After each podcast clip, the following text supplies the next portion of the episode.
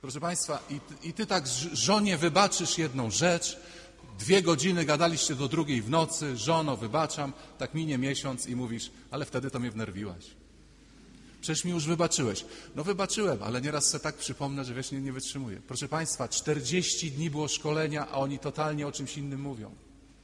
I ja się nie martwię z tego, że ja wam dzisiaj mówię o niebie, o pragnieniu nieba, a wy wyjdziecie przed Kościół i o czym zaczniecie rozmawiać? O ziemi. I ja też, jak się spotkam może z moimi kolegami księżmi, będziemy gadać o ziemi. O niebie się rozmawia chyba rzadko. Jezus ukazawszy się jedenastu, powiedział do nich: Idźcie na cały świat i głoście Ewangelię wszelkiemu stworzeniu.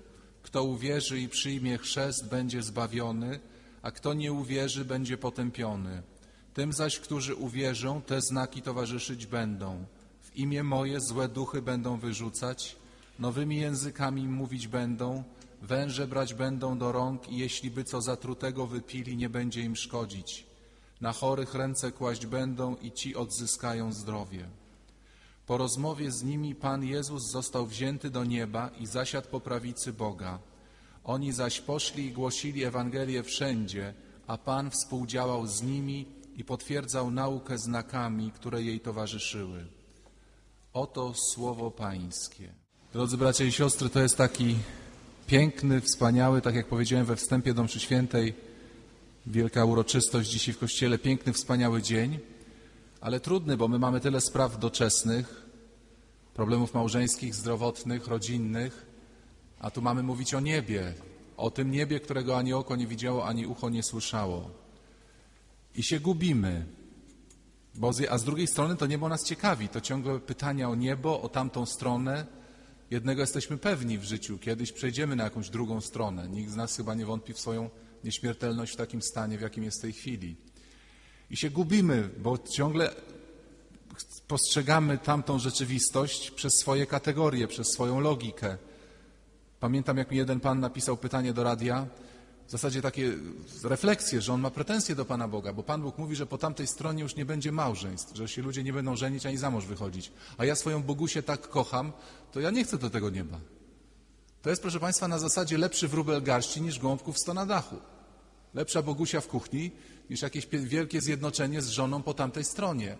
A wszystkie największe miłości małżeńskie na ziemi, przepraszam za słowo, to jest pikuś wobec tego, jakie będzie zjednoczenie między mężem a żoną po tamtej stronie, chociaż oni już rzeczywiście nie będą mieli tej wyłączności, jaka jest na ziemi. Małżeństwo, kapłaństwo sakramentalne jest tylko drogą. Tam się to wszystko spełni, dopełni. Będzie to nieprawdopodobne, ale jak? Oczywiście to wszystko jest na zasadzie, że Pan Bóg chce nam zabrać samochodzik mały z rąk i wsadzić w te ręce kluczyki od super Porsche. A my mówimy właśnie lepszy wróbel w garści, lepszy samochodzik w ręku niż kluczyki od jakiegoś prawdziwego. No i zaglądają ludzie na ten temat właśnie jak to jest w tym niebie, to prze, przeróżne anegdoty i krążą. Ostatnio u ojców dominikanów ktoś mi doniósł, taka anegdota w kościele się pojawiła na nauce, jak to właśnie dwóch panów się zasta- zastanawiają, jak to będzie w niebie. A ponieważ byli fanatycznymi kibicami piłki nożnej, to się zastanawiali, czy w niebie będzie piłka nożna. No i mówili się tak, że który pierwszy umrze, to powiadomi tego drugiego, czy tam ta piłka jest, czy nie, no bo niebo bez piłki to się w ogóle nie liczy. No jeden umarł i przyszedł w nocy do tego swojego kolegi i mówi, mam dla ciebie dwie wiadomości. Jakie? Jedna dobra, jedna zła. No to dawaj tą dobrą. Jest piłka nożna. Pan Jezus kibicuje, Matka Boża kibicuje, apostołowie to jest w ogóle pierwsza liga. To dawaj drugą wiadomość. Jesteś wystawiony w składzie na jutro. Proszę Państwa, ta anegdota ma głębokie podłoże. Nie będziemy tego robić w kościele, bo powaga naszego zgromadzenia musi być zachowana, ale gdybym powiedział, proszę Państwa, podnieście rękę do góry wszyscy, którzy chcecie iść do nieba. No to myślę, że niektórzy z przekonania, niektórzy, że tak wypada, ale podnieślibyśmy chyba wszyscy ręce. A jakbym powiedział, opuśćcie, a teraz podnieście ręce do, do góry ci, którzy chcą umrzeć, to mniej by się tych rąk podniosło albo wcale. My mówimy, y, no niebo wspaniałe, jasne, raj, tam jest, aniołowie, święci, ale z tym umieraniem to mi się nie spieszy. Nie ma jakiejś drogi okrężnej, jakiegoś objazdu nie ma do nieba. Objazdu nieba, trzeba pierw umrzeć. Otóż, żeby zrozumieć ten dar nieba, który na nas czeka, jeszcze raz wróćmy do grzechu pierworodnego. Sam to jakoś staram się pogłębić i, i dzielę się tym z Państwem. Proszę Państwa, w, w, w Księdze Rodzaju jest napisane tak. Adam zgrzeszył, zjadł ten nieszczęsny owoc z Ewą, schowali się w krzakach, Bóg zapytał, gdzie jesteś Adamie, on sobie uplótł przepaski, powiedział, że to, że to wszystko przez Ewę. Ewa powiedziała, że to wszystko przez diabła. Diabeł już nie miał na kogo zwalić i tak zostało. Proszę Państwa, to nie jest tak. To nie jest tak, drodzy Państwo, jakbyście szli ulicą, przepraszam, i coś odbiło Wam, żebyście ukradli coś ze, ze straganu na ulicy. I potem byście się zorientowali, o matko, ukradłem, może mnie ten właściciel będzie gonił. Weszlibyście do bramy, nasunęli kapelusz na czoło, założyli płaszcz i wyszli z tej bramy. Czyli ty jesteś ten sam, co ukradł. Tylko, żeś się troszeczkę zmienił zewnętrznie, ale ty masz te same myśli, to jesteś ten sam człowiek. Otóż nie.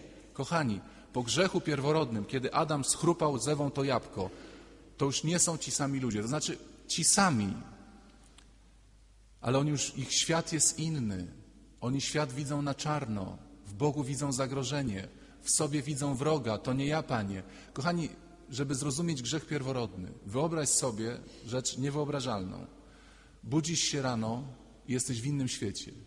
Jesteś na jakiejś potwornej, brudnej wyspie, straciłeś pamięć, nie wiesz, nie wiesz, kim się nazywasz. To w tej tożsamości Borna to był ciekawy film od strony właśnie takiego, totalnie facet się obudził gdzieś i nie wie w ogóle, kim jest, jak tam trafił, nie ma pojęcia. Cały film on odkrywa siebie, jak on się naprawdę nazywa.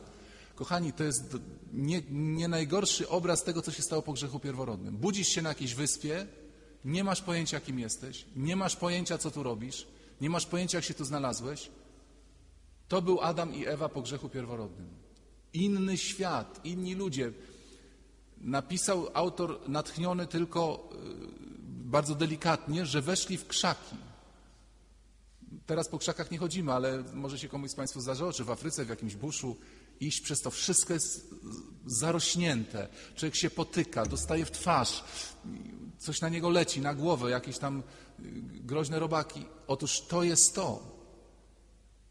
Kochani, człowiek się budzi i nie wie, kim jest. I człowiek taki, gdyby się narodził na tej nowej wyspie, został przeniesiony z tą stratą pamięci, tylko jakieś zostają, proszę Państwa, zostają jakieś strzępy wspomnień. W nas też są strzępy wspomnień, że ja czegoś chcę wielkiego, że ja szukam miłości, że ja szukam jedności, że mnie to nie zadawala. Co mi się szczęściem wydaje na ziemi, to osiągnę. Wydawało mi się, że jak skończę studia, będę najszczęśliwsza. Nie. Jak już się wyjdę za Łukasza, będę najszczęśliwsza? No nie. Jak już urodzę dziecko, w końcu się spełnię? No nie spełniłam się. Jak dostanę dobrą posadę, dostałam, ciągle czegoś brak. To są te mgliste wspomnienia z, naszego, z naszej poprzedniej rzeczywistości, ile tak można powiedzieć, a był nią, był nią Pan Bóg. I teraz, kochani, Adam jest w innym świecie i zaczyna się urządzać. Gdybyśmy się znaleźli w takim nowym świecie bez tożsamości, bez niczego, pierw byśmy znaleźli sobie, oczywiście tam są inni ludzie też, tacy jak my, znaleźlibyśmy sobie jakiś, jakąś ścierkę, żeby sobie zrobić posłanie, już byśmy mieli nową tożsamość. Człowiek, który znalazł ścierkę. Potem byśmy sobie z desek zbili jakieś koryto i mielibyśmy już no, większą tożsamość. Człowiek, który zbił sobie z desek koryto. Człowiek, który sobie zbił z desek koryto lepsze niż ten, co obok jest. Proszę Państwa, to są nasze tożsamości. My jesteśmy po grzechu pierworodnym. Obudziliśmy się na ziemi, w Warszawie i nie wiemy, gdzie jesteśmy, proszę Państwa. Dlatego się tak gubimy. Dlatego chodzimy jak pijani we śnie.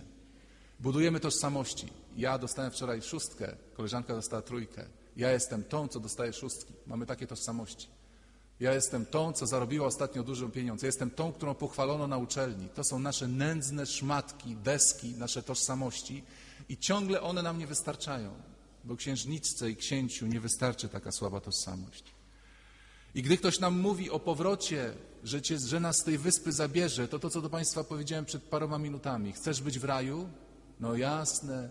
Gdzie będziesz spełniony, gdzie będziesz y, miał pełną miłość, nowe imię. Chciałbyś, chciałbym. A chciałbyś dzisiaj w nocy umrzeć? Oj nie, proszę księdza, na litość boską. Jeszcze mam sporo spraw, jeszcze mam parę korytek do zbicia, parę szmatek do zebrania i jeszcze chcę skończyć dyplom i drugi fakultet i wyjechać za granicę. Także ja chcę nieba, ale nie. Proszę Państwa, w ilu filmach tak było, że jakieś tam, przepraszam, teraz sobie przypominam mgliście, jakieś tam dziecko zdziczało, coś się stało i chcą, i gdzieś się schowało w norze i tak mówią, chodź tutaj syneczku, chodźmy. Nie, ja nie chcę. Takie dzikie dziecko, które się gdzieś tam ucieka w koniec tej nory, gdzieś tam w, jakieś, w jakimś brudzie, my jesteśmy tacy sami. Chrystus mówi, no chodź dziecko, ja cię z tej wydobędę z tej wyspy. Nie, nie, Panie Jezu, nie. Ja cię lubię, ale jak jesteś na obrazku namalowany. A jak przychodzisz żywy i mi mówisz o wyzwoleniu, o zbawieniu, o śmierci i o zmartwychwstaniu, ja się po prostu tego, ja się po prostu tego boję. Twój dom, mój dom, tam gdzie mieszkamy, to jest ta wyspa. Gdzieśmy się obudzili po grzechu pierworodnym. Straciliśmy pamięć. Wiecie, dlaczego taką furorę e, zrobił swego czasu? I do dzisiaj spotykam ludzi, którzy mówią, że ten film bardzo im się podoba. Bardzo ładny wątek, ciekawy pomysł. Znachor. O człowieku, który stracił pamięć, tak został pobity i nie wiedział, kim jest. Wiedział tylko jedno, że umie leczyć. Skąd? Nie wiem. Ale jak patrzę na chorego, ja wiem, co trzeba zrobić. Skąd wiesz? Nie wiem. I my jesteśmy tacy sami. My skądś nagle, um- słuchaj, wiesz, wczoraj się zachowałem bardzo dobrze, komuś pomogłem, ktoś mnie wzruszył. Jeden pan mi opowiadał, przysiędza, poszedłem z żoną na film o popiełuszce. Ja tam nawet nie chciałem iść, bo te filmy tak, ale poszedłem, ona prosiła. Przysiędza, film się kończy, światła się zapalają, a ja tak ryczę, że ona mówi, co się stało? Okulary mi upadły. I na czworakach chodzę między... Ja się wstydzę. Ona mówi, no chodź już idziemy. A ja się tak zryczałem na popiełuszce, on taki ciepły jest pokazany w tym filmie, taki serdeczny, ta krótka, ale wymowna scena męczeństwa. I nagle nie wiesz, zaczynasz ryczeć, zaczynasz płakać, zaczynasz coś dobrego robić. Oczywiście potrafimy zrobić i złe rzeczy. Ta mentalność wyspy w nas wchodzi. Ale to jest to. I Chrystus przychodzi do nas i mówi: Chodź, ja cię stąd zabiorę, ja cię stąd wyciągnę. I przed zmartwychwstaniem i buduje most, most powrotu, kochani, to jest to Królestwo Boże w nas. Mówiłem do Was o tym już przed rokiem. Co robił Pan Jezus przez 40 dni między zmartwychwstaniem a wniewystąpieniem? 40 dni. Nie rozplanowywał, pójdziecie w stronę Chin, wy pójdzie, do Ameryki popłyniecie. Wy, nie, nie rozplanował. Uczcie tak. Ćwiczenia z homiletyki im nie robił, próbne kazania. Mówił im, Ewangelia mówi o Królestwie Bożym 40 dni. Myślę, że wielu z nas, ze mną włącznie, miałby problem, co można mówić 40 dni o Królestwie Bożym. Jakie to jest ważne. Nowa trasa, nowa rzeczywistość. Pamiętajcie. I apostołowie dają koncert. Jezus im mówi 40 dni o Królestwie Bożym, a oni mówią, dopuszczeni do głosu, na koniec, po tym całym 40-dniowym kursie, Panie, czy wtedy przywrócisz Królestwo Izraela? Ręce opadają, proszę Państwa. Ale powtarzam, Biblia jest dla nas łaskawa i ciągle nam przypomina, że to, czym nasiągnęliśmy, ten grzech pierworodny, tak się mocno wgryzł w nas kręgosłup, w nasz krwioobieg, w naszą psychikę, mentalność, pragnienia, że proszę Państwa, błagam Was, nie liczcie na to, że jedna rozmowa z księdzem, jedne rekolekcje trzydniowe, nawet ignacjańskie tygodniowe, że Was z tego wyciągną. Jesteśmy nieprawdopodobnie zniewoleni. To ludzie mówią. Proszę księdza, miałem tam jakieś kontakty grzeszne, czy tam jakiś grzech popełniałem, potem się z tego wydobyłem. Proszę księdza, już się ustatkowałem, już formację przeszedłem. Trach pewnego dnia, to sam. Po 15 latach, kiedy chodziłem dumny ulicami, mówiłem, ja już tego nie robię, ja już tego nie robię. Dzień dobry, ja już tego nie robię. Trach zrobiłem, jeszcze gorzej niż kiedyś. Proszę księdza, to wszystko we mnie siedzi. Jezus im trzy lata mówił o Królestwie Bożym, potem 40 dni. A oni pytają, a Królestwo Izraela, kiedy tych Rzymian przepędzisz? Proszę Państwa, przepraszam skojarzenie, ale to jest prawda o nas. To jest, jak to się ładnie, ładnie mówi, fakt autentyczny. Przyszli kiedyś do jednego biskupa w Polsce parafianie ze skargą na proboszcza, niecodzienną skargą, że mszę świętą odprawia w nausznikach. Zima była. Biskup znał sytuację, mówi, kochani parafianie, tak bardzo chciało mu się śmiać, ale uszanował tych ludzi, mówi, proszę Państwa, wasz proboszcz jest, ma bardzo chore zatoki. Kościół jest zimny, nieogrzewany. On jak się rozchoruje na te zatoki, to potem miesiącami, no, no że wybaczcie, no, no, nie odprawia w czapce, no te nauszniki jakoś dyskretnie, no osłania te zatoki. I ten biskup im tłumaczy, że to choroba, że to trzeba zrozumieć, że to trzeba być wyrozumiałym, że on przecież bardzo starannie odprawia mszę świętą. Oni tak, no, no ma ksiądz biskup rację, no, no w zasadzie to tak, no choruje, no tak, no i delikatnie. I tak pół godziny im tłumaczył i on już szczęść Boże księdzu biskupowi, dziękujemy bardzo serdecznie, to już będziemy uciekać. Wyszli na korytarz, wraca jeden, stuka w drzwi, otwiera, mówi, księże biskupie, ale tak w nausznikach odprawiać. Proszę Państwa, i, i Ty tak żonie wybaczysz jedną rzecz, dwie godziny gadaliście do drugiej w nocy, żono, wybaczam, tak minie miesiąc i mówisz, ale wtedy to mnie wnerwiłaś. Przecież mi już wybaczyłeś. No wybaczyłem, ale nieraz se tak przypomnę, że wiesz, nie, nie wytrzymuję. Proszę Państwa, 40 dni było szkolenia, a oni totalnie o czymś innym mówią. I ja się nie martwię z tego, że ja wam dzisiaj mówię o niebie, o pragnieniu nieba, a wy wyjdziecie przed Kościół i o czym zaczniecie rozmawiać? O ziemi. I ja też, jak się spotkam może z moimi kolegami księżmi, będziemy gadać o ziemi. O niebie się rozmawia chyba rzadko. Jest właśnie to takie ciekawe sformułowanie dzisiaj. Uporczywie się wpatrywali, jak Jezus wstępował do nieba. Co to znaczy uporczywie się wpatrywać? Przenikliwie. On wchodził do nieba, oni stali na ziemi i tak tam zajrzeć za nim, tak tym wzrokiem go rozszyfrować, tak go w te pojęcia zamknąć, tak go w te zrozumienie zamknąć a obłok go zabrał. Ciekawy zwrot. Obłok, jakby Bóg, jakby niebiosa zabrały. I przychodzi anioł i mówi: Co wy tak stoicie i się gapicie w niebo? Co tak stoisz? Proszę Państwa, można rozważać Boże sprawy, czytać książki religijne, czyli chcieć ludzkim rozumem zrozumieć sprawy Boże i stać całe życie. Na sądzie ostatecznym Pan Bóg może zapytać, co robiłeś całe życie? Rozmyślałem nad Bożymi sprawami. A komu pomogłeś? Nikomu. Ale rozmyślałem, analizowałem, pojęcia prze, przekładałem, naprawdę dużo zrozumiałem. Nie stój, przestań się gapić tam swoim ludzkim wzrokiem, bo to nic nie da. Nie zajrzysz do nieba. Oni się uporczywie wpatrywali, chcieli zajrzeć do nieba, bo to jest, proszę Państwa, taka my nie, to co powiedziałem, my nie chcemy opuścić naszej rzeczywistości. Jest nam źle, niedobrze, ale nie chcemy jej opuścić. Ale do tego nieba to byśmy zajrzeli. Ale stąd, to co kochani wam przed tygodni mówię, chcesz zajrzeć do nieba, musisz wyjść z ziemi. Nie da się być na ziemi i zajrzeć do nieba. Nie ma, że masz rozum ziemski i oglądasz rzeczy niebieskie. Tak się nie da. Oni próbowali wtłoczyć Jezusa w swoją rzeczywistość. Chcieli go wtłoczyć w swoje pojmowanie, w swoje pojęcie, a tak się nie da. Jezusa się Biblia mówi poznaje przez uczynki miłości.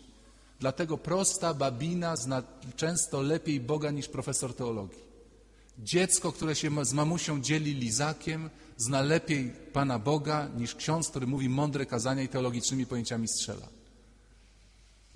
Nie stój, nie zmarnuj życia nad tym, żeby stał w kościele i się wpatrywał w niebo. Pamiętam kiedyś spojrzenie księdza Malackiego, razem przy mszy świętej odprawialiśmy mszę świętą i on się spojrzał w niebo i zrobił takie wielkie oczy. Ja spojrzałem na niego zaczęli, i zarazem żeśmy zaczęli się patrzeć. Oczywiście po chwili się cały kościół zaczął patrzeć, bo na suficie była ludzka twarz, proszę Państwa. Ludzka twarz była, a był to balon przez dziecko puszczony, który się zatrzymał na suficie. Tam jest inny balon i mamy widzenie niebieskie. Można sobie po mszy świętej obejrzeć, ale te balony napełnione gazem wspaniale wyglądają w kościele. I można stracić życie, że nie będę się wpatrywał w żywą Ewangelię, tylko w jakieś zjawisko niezwykłe. Są ludzie, którzy szukają zjawisk niezwykłych, proszę Państwa. Anioł mówi, nie stój, zmarnujesz życie, idź do ludzi, idź dzielić się, tam jest niebo. Chcesz znaleźć niebo?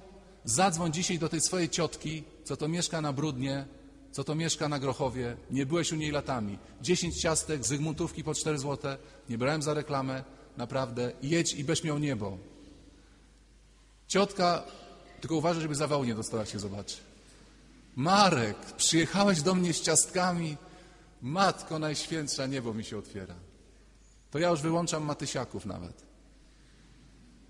Nie stój w niebo, bo możemy zmarnować życie na analizach i na analizach. Otóż ojciec, dzisiaj w drugim czytaniu usłyszeliśmy te słowa, o których ja często mówiłem, ale dzisiaj są w czytaniu, więc nie omieszkam powtórzyć. Ojciec dał wam ducha mądrości w głębszym poznaniu Jego samego. Rozumiecie? Głębiej poznaj Pana Boga niż ludzkie pojęcia. Głębszym to znaczy światłe oczy dla waszego serca. Powiedziałem, Boga się ogląda oczami serca. Chcesz poznać Boga? Mieć blisko być nieba? Wejdź w prawdę o sobie. Ciągle nas szatan oszukuje, ciągle kręcimy, ciągle kombinujemy. Teraz odpowiadałem w tym tygodniu, nagrywaliśmy audycję do radia. Dziewczyna pisze o swoim chłopaku, z którym ma zamiar zawrzeć związek małżeński. E, I, i, I takie zdanie pod koniec. Ja go zawsze chwalę, on mnie nigdy nie chwali. Ja zawsze, on nigdy. Takie bajki opowiadamy i w takich kłamstwach żyjemy. Chcesz poznać Boga, Bóg jest na dnie twojego, twojej osoby, twojego serca. Im bliżej jesteś prawdy. Dlatego jeszcze raz Państwu powtórzę. Droga do nieba to droga do prawdy. Więc słuchajmy naszych wrogów, czytajmy książki, których się boimy, słuchajmy rekolekcjonistów, którzy nas drażnią, bo najprawdopodobniej to jest najlepsza droga do nieba. I uważajmy, bo jak szatan będzie chciał, odkryje nasze pragnienia, że chcemy zobaczyć niebo bez krzyża, to da nam fałszywe widzenie. Ilu ludzi fałszywe niebo zobaczyło? O Filipie Nerim się opowiada, że przyszła do niego kiedyś siostra zakonna i mówiła: Ojcze, miałam widzenie nieba. A jesteś pewna, że to było prawdziwe niebo? Ależ oczywiście prawdziwe. To Filip Neri pomyślał: Zaraz sprawdzimy. Umyj mi buty. Ja? Tobie? Buty? A nigdy w życiu. Co ja ci będę buty myła? To schowaj się z tym niebem. Jezus widział niebo i co robił? Mył nogi. Po czym poznać, że ktoś widzi niebo, że jest blisko nieba? Myje nogi drugim, buty myje drugim. To, co apostołowie mówili, proszę Państwa, w niebie jest człowiek, który cierpi i cieszy się, że, że może cierpieć. Po tym poznajesz niebo. Apostołowie radowali się, że mogli cierpieć dla imienia Jezus. Katarzyna ze Sieny przeżyła śmierć mistyczną i widziała niebo. I kiedy wróciła, nic ją już na ziemi nie cieszyło. Dlatego nam Pan Bóg nie pokazuje tych może widzeń jakichś anielskich, nadzwykłych, mistycznych, żebyśmy mogli w spokoju dokonać wyboru, bo my tu, proszę Państwa, wpadliśmy na chwilę. Te 80 lat to jest moment, to jest drobiazg, żeby dokonać wyboru. Chcesz wracać z wyspy? Z tej brudnej wyspy, w której się narodziłeś w grzechu pierworodnym? Chcesz wrócić? To jest odpowiedź naszego życia, te 80, 80 lat. A szatan robi sprytną rzecz. Tak jakby nam na wyspę wstawił do tego naszego baraku telewizor i mówił, oglądaj sobie, jak jest w pięknym świecie i już nie pragnij stąd wyjeżdżać. Proszę zwrócić uwagę, marzenia to jest taki telewizor, złudne nadzieje, kiedyś będzie lepiej, na pewno się poprawi. Jest źle w moim życiu, ale kiedyś się musi poprawić. A skąd wiesz, że musi się poprawić? Skąd wiesz, że będzie lepiej? To jest taki telewizor z... i pracuj. Nie ma co pracować, nie ma, może się poprawi tak, jak jestem. Wstąp do wspólnoty. Może się poprawi bez wspólnoty. Może się poprawi, ale najprawdopodobniej się nie poprawi, jak impulsu z zewnątrz nie dostaniesz. Kochani, ojciec Badeni kiedyś powiedział ciekawą rzecz. My wątpimy w to, że jakieś niebo, jakaś inna rzeczywistość, że my będziemy kiedyś wspólnotą zbawionych i Pan, i Pani, i ja w niebie, tak. Pan Bóg daje znaki. I ojciec Badeni powiedział, że on kiedyś dał nam znak nieba. Ten tydzień, ten nieprawdopodobny tydzień po śmierci Jana Pawła II. Proszę Państwa, ja bym nigdy w życiu nie poszedł o zakład, że będzie kiedyś taki tydzień w Polsce, że przestaną emitować seriale, nie przestaną rozgrywać mecze, a pijaczka z podbudki z piwem i profesora uniwersytetu będzie interesować ten sam temat. Ja bym tego nie wymyślił, a tak w Polsce było przez tydzień. Że dziewczyny poproszone, sam to widziałem na własne oczy przez reportera telewizji gdzieś tam w Mławie czy w Działdowie, śpiewały barkę na ulicy. I płakali ludzie i chodzili na ulicę Jana Pawła i zapalali świece. I pijaczkowie mówili, że my to teraz dla papieża się zmienimy. Nie zmienili się, bo oni, proszę Państwa, ci kibice, co obiecali pojednania w, w sobotę, w niedzielę się już tłukli, oni się pojednali na tyle, na ile mieli serca pojemne. Jak ktoś ma sa- samochód z bakiem na 40 litrów, to zatankuje 40 litrów. Jak ktoś ma motorower z bakiem na 1,5 litra, to zatankuje 1,5 litra. Pijaczkowie zatankowali 1,5 litra, znaczy tej duchowej benzyny, mam to na myśli. Ale nie dziwmy się, bo niektórzy mówią, o, papież, jakie zmiany zrobił, że ci oni obiecali poprawę, a tłukli się już po trzech dniach na stadionie. Ale dla nich te trzy dni bez walki to było dużo. To było większe świadectwo niż dla nas, którzy się może nie tłuczemy 40 lat, bo nie mamy odwagi, a przydałoby się nieraz. Więc proszę Państwa, to był, to, to był, a potem oczywiście wszystko wróciło do normy, wszyściutko wróciło do normy. Żadna y, stopa moralności się w Polsce nie podniosła. Ale przyznacie, ten tydzień był nieprawdopodobny. Żeby przez tydzień we wszystkich programach polskich leciały religijne programy i nikt nie protestował? Nikt. Oprócz tam niektórzy cicho próbowali. Żeby na wszystkich portalach leciały tylko wiadomości o papieżu, leciały. I nam się to nie znudziło. To tylko Jan Paweł II umarł. A jak Chrystus przyjdzie? A jak przyjdzie na świat Chrystus, to nam się nie tydzień, nie rok, a całe wieki takie zrobią. Kochani, Jezus wstępuje do nieba, tą otwiera nam drogę z wyspy, drogę powrotu do tych naszych najbardziej intymnych i głębokich tęsknot. I trzeba się kierować nie wzrokiem analizy intelektualnej, nie uporczywym wpatrywaniem, a trzeba się kierować wzrokiem serca. Mówiliśmy o tym wielokrotnie, już nie chcę powtarzać. Wzrok serca. Zobacz to wszystko sercem. Nawet niektórzy, jak są w kościele, zamykają oczy, żeby się nie rozpraszać widokiem. Zamykają oczy, żeby zobaczyć sercem. Nie wpatrują się uporczywie tu, tylko próbują się sercem wpatrzeć, tym tajemniczym wzrokiem serca, którym wszystko widać inaczej. Kochani, obyśmy się zdobyli na to szaleństwo ufności Chrystusowi i powrotu tam, gdzie On nam wytyczył drogę, naszą swoją śmiercią, zmartwychwstaniem i w niebo wstąpieniem.